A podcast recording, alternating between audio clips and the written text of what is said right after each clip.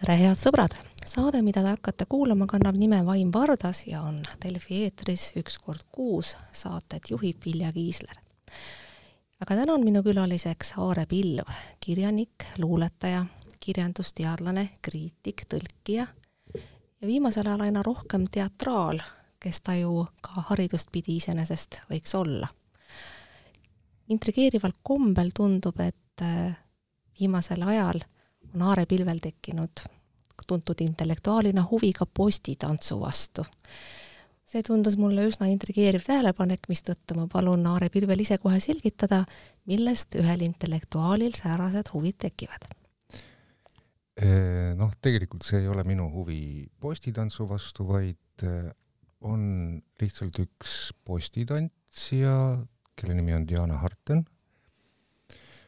ja tema teeb mm, ühe lavastuse, kus ta siis, tal on idee, et postitantsu võiks kasutada kunstilise vahendina, et eh, noh, teha postitantsu žanris kunstiline lavastus. Ehm, ja mina olen seal tegelikult ainult tõlkijana mängus, sest ta kasutab seal Peterburi fotograafi ja ka kirjutaja äh, Maria Krugovaja tekste ja neid oli vaja tõlkida arusaadav, ühesõnaga Aare pilve postitantsu tegemas me ei näe ega isegi mitte siis seda kuidagi lavastamas või kujundamas. ei. sedakorda vaid tõlkija rollis. hästi, aga postitantsust meil pole üleüldsegi plaanis rääkida. meie tänase kohtumise kaudseks ajendiks on maikuus esietendunud lavastus Divide Timpera, mida muidugi meie tänane kuulaja enam kahjuks mitte kuidagi näha ei saa. ja selles mõttes võiks ju tunduda, et sellise ajendi valimine on mõnes mõttes ebaõiglane. aga ma kohe põhjendan, miks see minu meelest on õigustatud, nimelt seda teksti on võimalik endiselt lugeda ja selle saate tutvustusse ma panen ka lingi, mille kaudu siis on võimalik selle tekstiga tutvuda ja võib-olla kuulavad seda jutuajamist äh, ühe kõrvaga need, kes on seda etendust näinud ja võib-olla natuke teistmoodi need, kes ei ole, aga ma arvan, see vahe ei ole tingimata nii fataalne, et seda suurepärast ajendit kohtuda ja juttu ajada peaks jätma kasutamata. ma ütlen siia vahele, et tegelikult on lootust, et seda saab ka näha video kujul, sest viimane etendus võeti nelja kaameraga üles ja on plaan teha sellest videoversioon, mida siis noh, on võimalik vaadata. minu meelest on see väga tänuväärne, sest viimasele etendusele mina just sattusin ja ma panin väga pahaks, et see on viimane etendus, et seda ei mängita suurematel lavadel ja et see oligi õigupoolest viimane võimalus seda näha.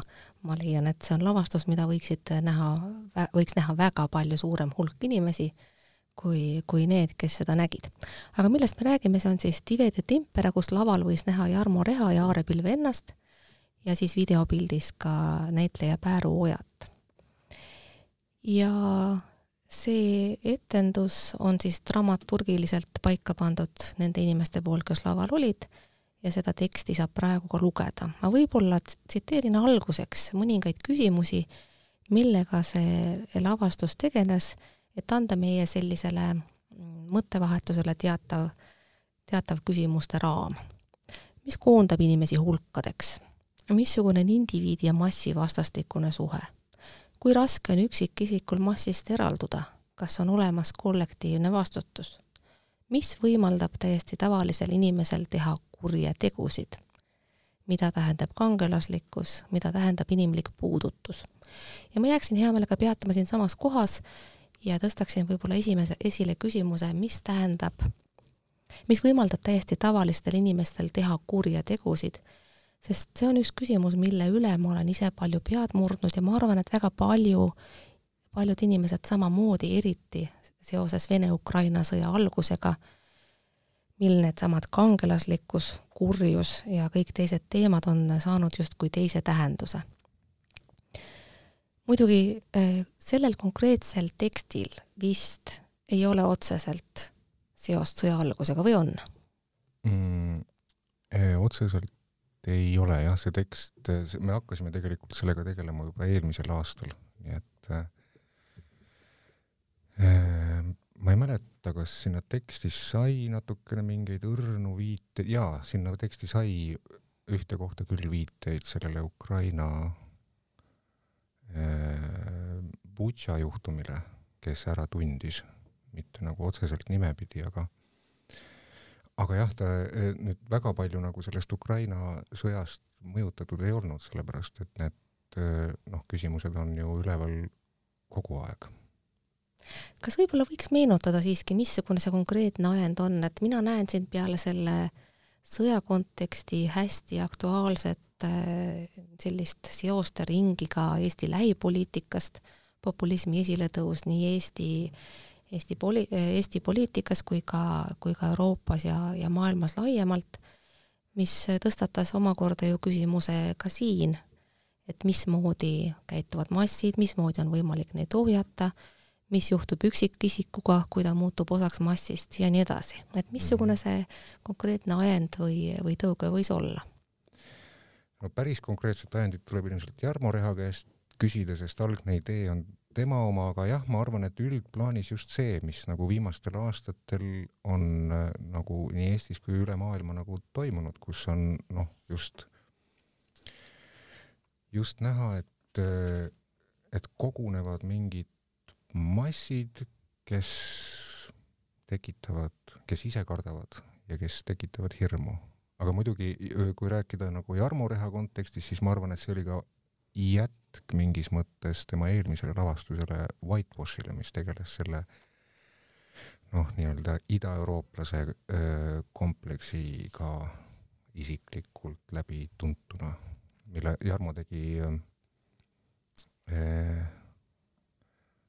pärast seda, kui ta sattus Aafrikasse ja nägi, kuidas seal valgetesse suhtutakse ja tundis, et ma ei ole ju valge, et aga, aga jah, ma arvan, et jah, ega siin muud ei olegi öelda, see õhkkond on lihtsalt selline, et, et need mm, hirmunud ja, ja hirmutava massi küsimused on kogu aeg nagu esil.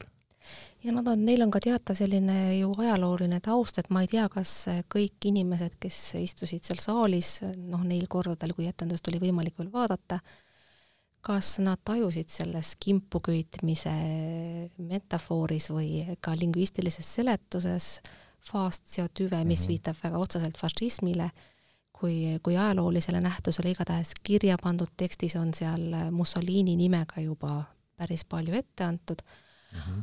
ja, ja noh, küllap seal mm, küllap seal on hästi palju ka teisi selliseid lingvistilisi viiteid ja, ja semo-, semiootilisi assotsiatsioone, mis võib-olla lugedes paremini pärale jõuavadki. kuid eh, kas oli ka mõni konkreetne eesmärk seada selline eh, ajalooteadvus teatavasse kõnelusse sellega, mis parasjagu ühiskondades lahti on, või oli see laiem eesmärk pärida inimese olemuse järele ja anda vastuseid selle kohta, mida me ise enda, enda asjus peaksime kindlasti teadma? Ma arvan, et kõike seda, et äh, jah, see ajalooline oli seal kindlasti olemas, see Mussolini äh, tähendab seda, et seal on kasutatud Mussolini kõnest lõike. ja noh, see mitte ainult Mussolinist, ka Mao Zedongilt on seal asju ja et äh, noh, just nimelt, et ta oleks, meil on ju nagu need mingid konkreetsed juhtumid suhteliselt hilisest ajast nagu kasutada ja me tegelikult, meil on noh, nii-öelda õppematerjalid on meil olemas, aga me oleme nagu noh, ma ei tea, kas sisenemas, aga, aga igal juhul see on üks võimalus, et me oleme sisenemas mingisse samasugusesse aega. ja, ja samas see jah, tõesti püüab osutada ka sellele, et see ei ole midagi noh, sellist ähm, mm, ütleme, uusajale iseomast või, et see on tegelikult mingid sellised äh, eksistentsiaalsed inimese sättumused, mis selliseid asju võimaldavad, et see ei ole mingi spetsiifilisest kultuuri kontekstist tulev asi tegelikult, et see on äh, noh, eh, seda liini puudutab see, millega see lavastus seal algab, et miks me nagu koondume kokku, miks me koondume niimoodi ümber lõkke ja miks me koondume niimoodi, et me suuname noh, mingid odad või relvad väljapoole, et me noh, karda, kardame võõra puudutust, eks ju, täiesti inimlik kartus, et tuleb keegi pimedast metsast ja hakkab meid krabama. et eh, noh, see ongi selle alg. Hirm. alghirm, jah lavalt paistis see kindlasti paremini, aga ma mõtlesin ise, niipea kui mulle see tikutopp seal lavastuse alguses pihku pisteti, et äh, eeldatavasti soovitatakse mul midagi põlema panna etenduse lõpuks või luuakse mulle vähemasti võimalus neid tikke kuidagi kasutada ja mul on väga hästi meeles see hetk, kui siis tuligi see, need sõnumid, et tõmmake tuld ja lavalt paistis kindlasti paremini, kui palju neid inimesi, kes oli, kes tõmbasid mina ei tõmmanud, ma, minul on selline refleks, et ma, kui kästakse kõigil midagi teha, siis ma täitsa kindlasti ei tee, aga ma, ma kujutan ette, et neid inimesi, kes tõmbasid tuld, oli päris palju, kui palju? no sõltus etendusest. ma ei tea, kas päris pool saali tõmbas, aga noh, oli ikkagi selline ilus tulede mäng oli küll saalis see oli kusjuures meile endale üllatus, et seda ka tõesti tehakse. et me mõtlesime seda nagu lihtsalt abstraktsema kujundina, et me jagame, jagame need tikud kätte ja mm, me nagu tõesti ei oodanud, et inimesed tõesti võtavadki ja hakkavadki neid tõmbama. see oli, ma mäletan, esietendusel väga selline suur üllatus, et ahaa ehm,. aga jah, noh, kuidas keegi nagu tõmbab, mõni tõmbab lihtsalt, kuna arvab, et eh, selline mäng nüüd käib, mõni tõmbab nagu kuidagi mingi mm, nojah, miks keegi nagu tõmbab, eks ju, või mis ta arvab seda tehes tõmbavat või mida, mida ta seda nagu tikku tõmmates arvab tegevat, seda nagu ju ei tea. et äh, inimesi oli igasuguste hoiakutega, meil näiteks oli ühe, ühel etendusel oli äh, oli üks vaataja, kes äh, sellesama Mussolini kõne peale hakkas hüüdma, et äh, õige. eks ole, sest äh, kohe alguses ju ei, ei saagi aru, mida öeldakse ja, ja võtab aega, enne kui ennast nii palju sisse kuulda sellesse tekstisse või sisse lugeda, et taibata, mis on päriselt teoksil. ehk siis tegelikult need, need kõned või need katked, mida seal esitatakse, ei anna ennast esimese lausega kätte ja see on tegelikult ka põhjus, miks seesama tõmmake tuld on, on sümptomaatiline, et iseenesest võiks ju keegi järgmiseks mõelda, et aga võib-olla mulle öeldakse nüüd, et ma päriselt võingi midagi põlema panna ja võib-olla isegi ei öelda seda, aga äkki ma tahan, ma tunnen, et ma tahaks panna. kas te ei kartnud, et mingil hetkel väljub olukord kontrolli alt ja keegi, kellele on antud juba õigus tõmmata tikku, tunneb, et võib-olla tal on õigus kedagi või midagi põlema panna? no me seal päris sellele üles ei kutsunud. meil oli tegelikult alguses natukene suuremaid noh, natukene jah, selles mõttes ohtlikumaid mõtteid, aga siis äh, jah, tundus, et võib-olla see läheb liiga eh, noh, kuidas öelda mm,. mitte, et ta läheks haldamatuks, aga et võib-olla ta läheb liiga sekkuvaks publikule endale või kuidagi, et äh, tuleb publikule liiga lähedale? Äh, noh, võib-olla tekib jah, vaatajatel tunne, et nendega nagu, nagu manipuleeritakse nagu ülemäära või et kuidagi nagu, kuidagi nagu kurjalt juba või et seda tunnet ka ei tahtnud tekitada, et, et et noh, neile nagu vastu vahtimist antakse päris, kuigi ma ei tea, kuidas mõned tundsid, et nad ikka said päris kõvasti äh, noh, niimoodi no see oli eriline etendus, minu meelest oli see selles mõttes päris eriline, et äh, ma, mulle ei meenu Eesti teatrist midagi säärast, tõsi, tegevustega on ju vaatajale lähemale tundud, tuldud en, ennegi. Ja on ette tulnud sedagi, et tuuakse mõni inimene publikust lavale, nagu juhtus näiteks Linnateatri Eumeniidide lavastuses.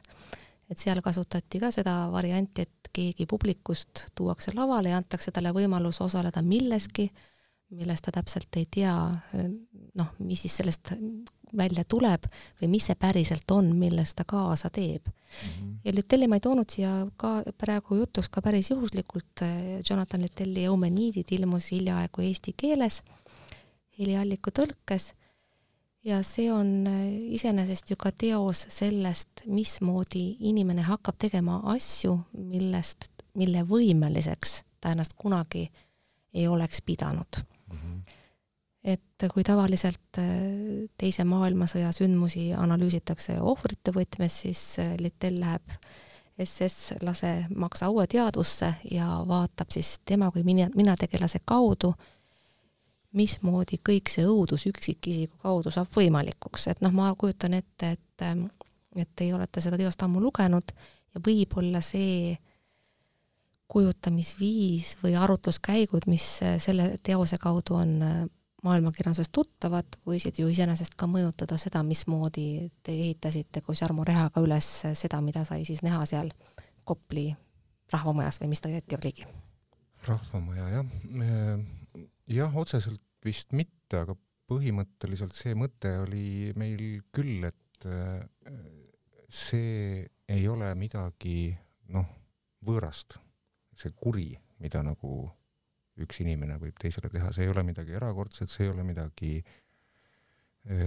noh, selles mõttes teemonlikku, vaid see on täiesti tavaline asi.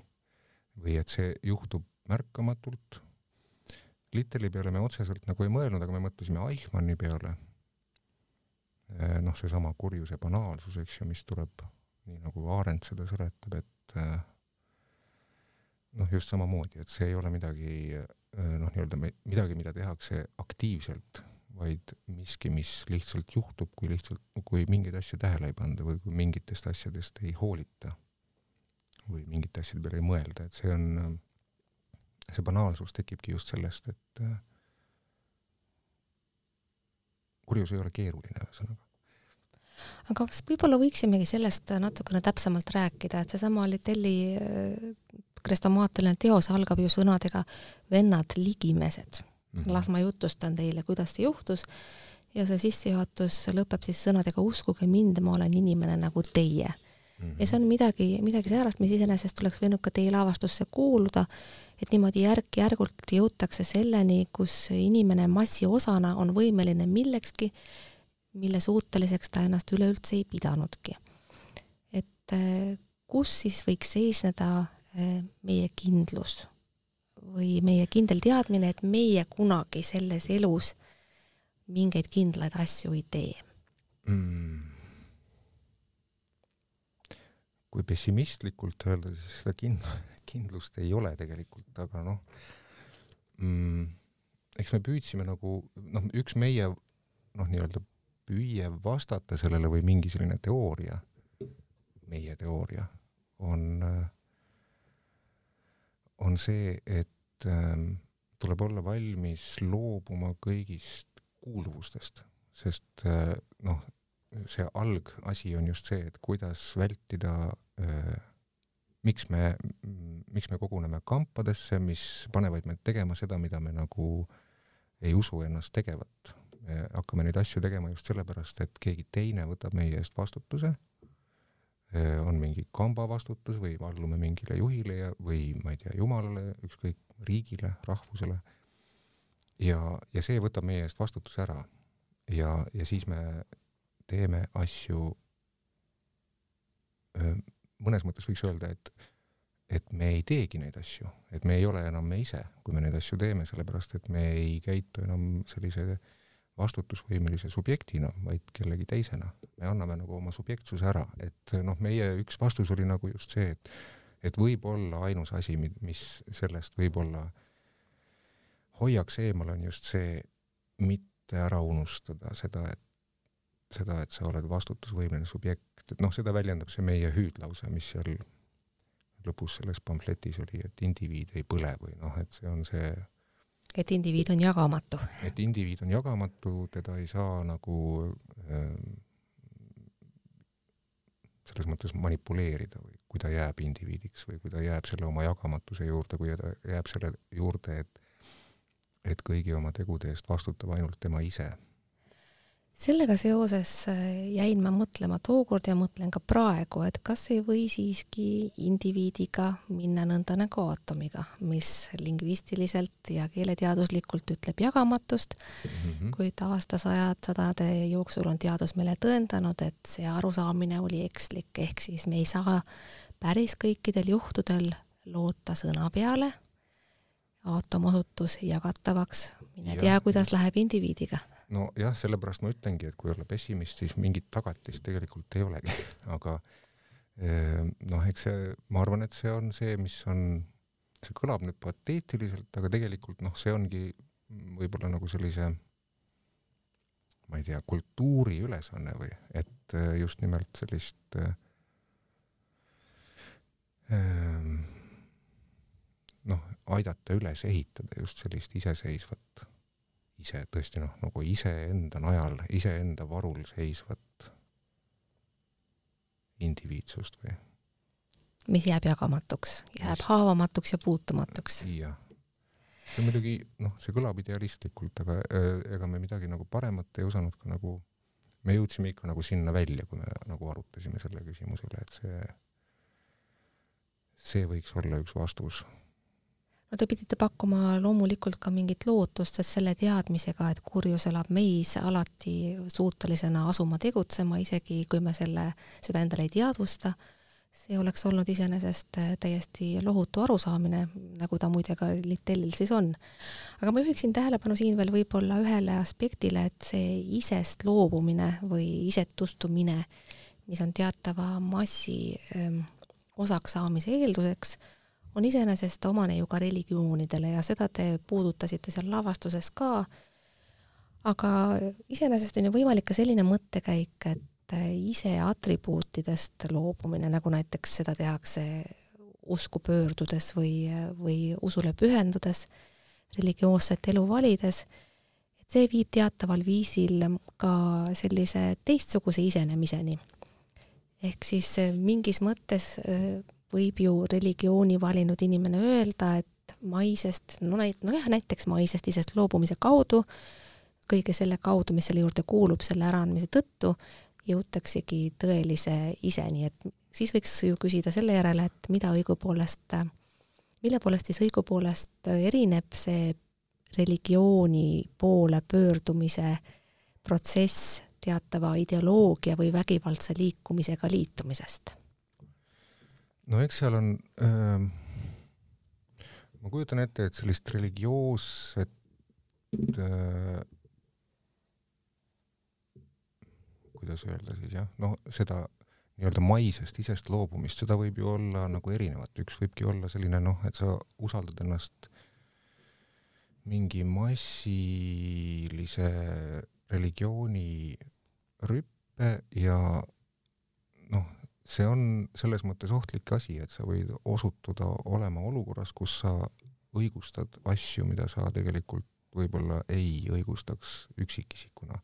aga noh, on olemas ju ka selline asi nagu individueerumine, et ma täiesti usun sellist asja, et on võimalik selline religioosset laadi individueerumine, kus inimene tõesti jõuab nagu mingi kõrgema mm, noh, nii-öelda mitte egoistliku nagu iseni, aga see on ikkagi mingi teatav, see on just selline asi, mida saavutatakse ikkagi üksi. et noh ähm,, ei tea midagi, on palju religioone, mis eeldavad kogudusse kuulumist ja, ja väidavad, et ainult nõnda on see võimalik. ähm, jah, nad võivad seda väita, aga mm, mina seda ei usu selge, ei usu. Aare Pilv esitab seal laval hulgaliselt küsimusi ja võib-olla ma loeksin mõned ette, et võib-olla te tahaksite ka siis vastata mõnele küsimusele ise ka, aga küsimused on head ja ma tsiteerin mõnda. millise raha eest oled sa valmis sünnitama lapse teisele inimesele? millise raha eest oled sa valmis kulutama oma, oma päevi leivatööle, mis ei ole su kutsumus? millise raha eest saab sind vaikima panna, kui sa tead kellegi kuriteost? Kui kallilt müüksid sa enda keha? kas on olemas mingi summa, mille eest sa oled nõus tapma? või siis laskma maha raiuda oma sõrme koos sõrmejäljega või käe, silmad välja torgata? millise raha eest saab su panna enda tõekspidamisi salgama? kui kallist või odavat hinda küsiksid sa selle eest, et oleksid kõigi vastu elu lõpuni lahke ja sõbralik? No ma ei tea, valime näiteks ühe küsimuse suvaliselt. millise raha eest saab sind vaikima panna, kui sa tead kellegi kuriteost? mm.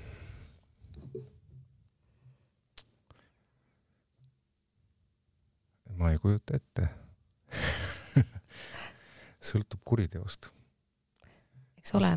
jah, kui see on ikka ränk kuritegu, siis ma arvan, mitte mingi raha eest.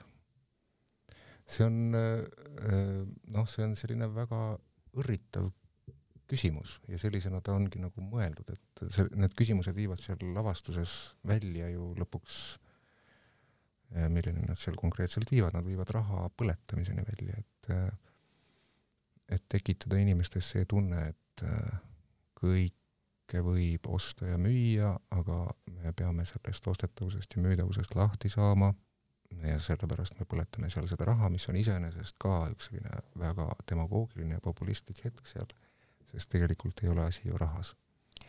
ma jõuan aga... selle, nende küsimuste juurde kohe tagasi, aga kui me juba jõudsime raha põletamise juurde, siis ma ei saa äh, teisiti, kui ma lihtsalt pean küsima, kas seal võis olla ka mingi teatav Haanekese eeskuju, nimelt Haanekesel on üks hästi varane film Seitsmes kontinent, ma ei tea, kas olete näinud, see on kaheksakümne üheksandast aastast pärit ja, ja ei ole selline võib-olla veel kanooniline Haneke, ta ei ole nii tuntud, aga ma olen seda filmi näinud ja seal põletatakse raha. ja ma lugesin, et äh, et selles vaatajaskonda tollel ajal, kui see film valmis, ei šokeerinud mitte see, et keskmes on perekonna enesetapp ja see, mismoodi nad seda teevad, ega isegi mitte küsimus selle järele, miks nad seda teevad, vaid et nad seal, nad ei põleta raha, nad lasevad raha vetsupotist alla uh. -huh. aga nad hävitavad raha, et see nagu eh, kõnetas. kas, kas te olete seda filmi näinud ja kas see võis kuidagi olla? ei, ma ei teadnud sellest filmist midagi. ja Jarmo ka mitte me ei, sellest me ei rääkinud. meil oli äh, küll äh, meeles see, et äh, kunagi tegi see ansambel nimega KLF, tegi mingi aktsiooni, kus nad põletasid tohutul hulgal enda teenitud raha ära mingi niisuguse avaliku aktsioonina. aga jah, seda Hanekest me ei teadnud mulle meenub raha põletamise asjus, et seda trikki vist on kasutanud ka, noh, nimetades seda trikiks, eks ole mm., kasutanud ka Mihkel Raud ühes reklaamis, milles ta soovis kutsuda võimalikke kliente kasutama tema sisuturunduse teenuseid, nii et küllap mm. on on neid võimalikke eeskujusid palju, ma ei, ei kahtlusta, et Mihkel Raud tingimata Haanekese järgi võis seda teha või mõnel muul põhjusel. aga see selleks, needsamad küsimused, ega need ju ei olegi mõeldud tingimata otseselt vastamiseks, kuigi ming-, noh, alguses nad ju võiksid selleni viia, et igaüks leiaks vastused, aga mm -hmm. nende mõte ilmsesti on näidata, kui keeruliste moraalsete valikute ees me mõnikord võime seista ja et need vastused ei ole lihtsad, saan ma õigesti aru? midagi sellist jah, noh, jah, see on osu-, see osutab ka sellele, mil-, kuidas nagu eetika tegelikult nagu toimib, et see, kui sulle esitatakse mingi selline küsimus, siis sellele on väga raske vastata niimoodi abstraktselt. et sa saad neile vastata tegelikult ainult konkreetses olukorras, sellepärast et eetilist, eetika küsimustele noh, päris tõsises mõttes saab vastata ainult nagu praktiliselt või sa ei saa neile vastata, sa ei saa teha mingit valmisolevat nagu eetika, eetikareegleid, noh näiteks kas või selle kohta, et millise raha eest öö, võib sünnitada lapse teisele inimesele või kas see on üldse nagu eetiline, et noh, mingites olukordades see ei ole eetiline, mingites olukordades see on eetiline ja see sõltub alati konkreetsetest olukordadest ja nende inimeste otsustest, et see on vist see mis noh, see muidugi vist ei, on natukene eh, kaheldav nagu eristus, aga noh, on eristatud eetikat ja moraali, et kui moraal on üks selline mingi kindel valmis reeglistik, et siis selline elus eetika on miski, mis sünnib nagu kogu aeg nagu eh, meie elamise sees praktikas. noh, see on põhimõtteliselt see, millele see äh, millele meie vähemasti seda lavastust tehes ka nagu kogu aeg püüdsime osutada, ikka seesama, et noh, see indiviidsus, et et sa teed oma valikuid kogu aeg ja jooksvalt, mitte ei ole valikud sinu eest ära tehtud, et sa ise kogu aeg igal hetkel vastutad oma, oma valikute eest sinna võib-olla tahaks lõpetuseks tagasi jõuda, aga ma tahaksin enne veel juhtida tähelepanu sellele, et need, need agressiivsed, iseenesest küsimine ongi ju agressiivne mm. tegevus.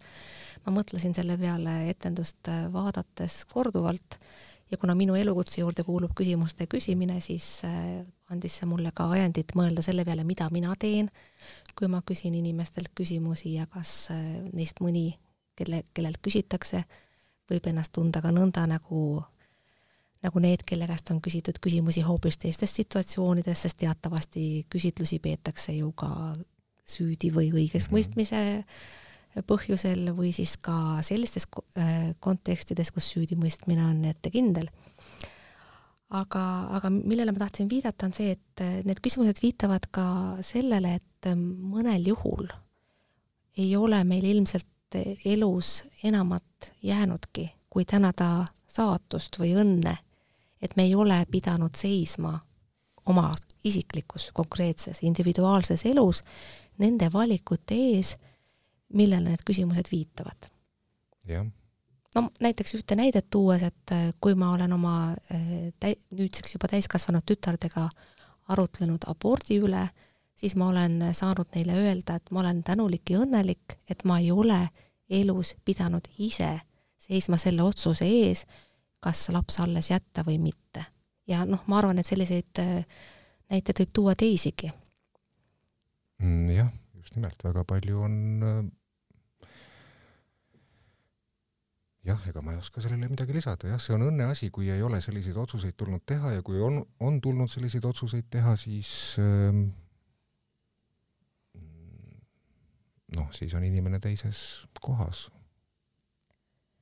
Aga ta siis on, nende kaudu inimene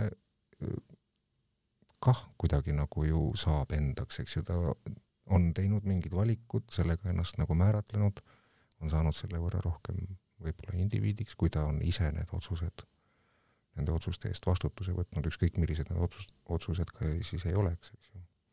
et just see otsuse tegemine ise ju annab selle noh, nii-öelda subjektsuse või no aga siis oleme me ju tegelikult jällegi Maximilian Aue juures tagasi, tema oma ühtegi tegu ei kahetse, ühtegi otsust ei kahetse, tal on väga selged konstruktsioonid, miks ta midagi tegi.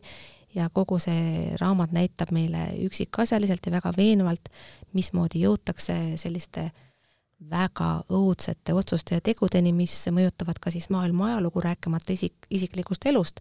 ehk kas siis äh, lõppude lõpuks peaksime me leppima arusaamisega, et äh, see, kas me, kas me võime ennast pidada, inimlikuks äh, nii-öelda heas mõttes, äh, on puhtalt õnne asi, et missugusesse konteksti me sünnime, missugusesse riiki, kas meil, et, et ütleme niimoodi, et saatus või vedamine lihtsalt säästab meid vastamast nendele rasketele küsimustele ja, ja ei, ei sea meie ette valikuid ja, ja kui seab, siis tegelikult me peame kõik leppima sellega, et meil läheb nagu sellel samal maksauel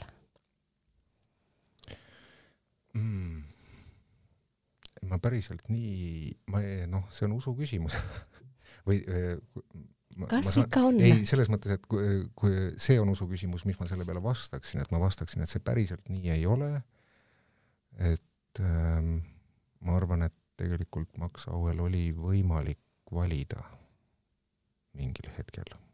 see on küll nagu natukene, see Eumeniidid jätab, noh, ta viitab, eks ju, sellele antiiktragöödia traditsioonile ja see nagu viitaks sellele mingile teatavale noh, paratamatusele või, või ettemääratusele või jah, just nimelt saatuslikkusele. et noh, võib-olla Litteli kujutelm selline on, aga ma usun, et reaalselt mm, ma usun, et reaalselt inimesel on võimalus valida, iseasi on see, kas ta nagu teab seda. ja, ja võib vabalt juhtuda, et, et ühel hetkel inimene, ja see on tõesti juba selline antiiktragöödilik, tragöödialik olukord, kus inimene avastab tagantjärele, et tal oli võimalus valida, aga ta ei teinud seda ja siis ei ole nagu midagi enam teha, et noh mm,, see on nagu ei ja jaa, ma arvan, et põhimõtteliselt ei ole kõik nii saatuslik, aga see võib olla ühe või teise inimelu puhul võib see tõesti nii olla, jah. ma arvan, et Max Aue jaoks võib-olla oli, aga ma arvan, et see ei, see ei, seda ei saa nagu üldistada, et, et meie kõigi jaoks nii oleks. tahaks lõpetuseks siiski nagu äh, jätta inimesele ka mingi lootuse, et noh, näiteks mina tahaksin, mulle, mulle väga meeldiks ja ma arvan, väga paljudele inimestele meeldiks teada, et neil see valikuvõimalus siiski on ja kui nad oleksid selles maksaau olukorras, noh, tegemist on kirjandusteosega, aga, aga noh, mis siis ikka, selle kaudu me ju äh, mõistame võib-olla teatavaid ajaloolisi äh, seoseid ja keerdkäike isegi paremini kui ajalooraamatuid lugedes. et hea oleks teada, et, äh, et kuskil on võimalus valida ja ma võib-olla loen siit veel sellest Divide et Imperast ühe tsitaadi ette, mille kaudu minu meelest siis teie jätate selle lootuse inimesele siiski alles. ja tsitaat algab siit mul on võimalus valida. sundida ennast teadlikult mõtlema, et kõik teised seal järjekorras, poes, on sama tüdinud ja väsinud kui mina. ja et nii mõnelegi on elu kindlasti veel palju raskem ja valusam kui minu elu. Aga kui sa tõesti õpid kontrollima, millele sa tähelepanu pöörad, siis see on sinu võimuses. kogeda seda umbset palavat, aeglast tarbimispõrgut mitte ainult tähendusrikkana, vaid pühana nii et selle taga on sama vägi, mis sünnitas tähed, armastus ja sügav müstiline ühtsus, mis seob kõike ja kõiki. et selle mõttekäigu kaudu iseenesest võiks ju olla inimesele antud lootus, et igapäevaste valikute kaudu, selle kaudu, mida, millele ta otsustab tähelepanu pöörata, millele oma sisemist vaimset jõudu koondada, on tal igal hetkel siiski valikuid olemas, ükskõik kui fat-, fataalne ei oleks olukord ja isegi, isegi kui valida on halva ja veel halvema vahel, siis tal ikkagi on see võimalus valida. Jah, selle, see on sealt äh, lõpu monoloogist, mille pidas siis äh, Pääru, meie kangelane, ja põhimõtteliselt jah, see on see, mida, mis me tahtsime, et sealt nagu kõlama jääks, et äh, just nimelt see tähelepanelikkus, see ei ole muidugi lihtne asi, seda seal ka monoloogis öeldakse, et see ei ole väga lihtne asi, kui nendest eumeniididest veel rääkida, siis mina mäletan, mind kõige rohkem ehmatas mingi see, kuidas see koht sealt romaanist, kus ta, kus on juttu nendest mingitest Kaukaasia mägijuutidest ja käib nagu lehekülgede kaupa arutelu, et kas nad on ikka päriselt juudid ja kas nad kuuluvad siis nagu selle juudi küsimuse lahendamise alla või mitte ja ma ühel hetkel nagu avastasin, et mind on kaasa tõmmatud. ma mõtlen kaasa, kas nad on ikka päris juudid või nad ei ole. ja, ja ei teagi, mis punktis nagu see tähelepanu nagu hajus. Et see on, selles mõttes on see Eumeniidid just, just ka väga hea noh, nii-öelda harjutus, et kui tähelepanelik sa nagu oled enda sees jah. Neid valikuid tehes ja iga kord tähele pannes, mis siis parasjagu toimub, mis parasjagu lahti on. just.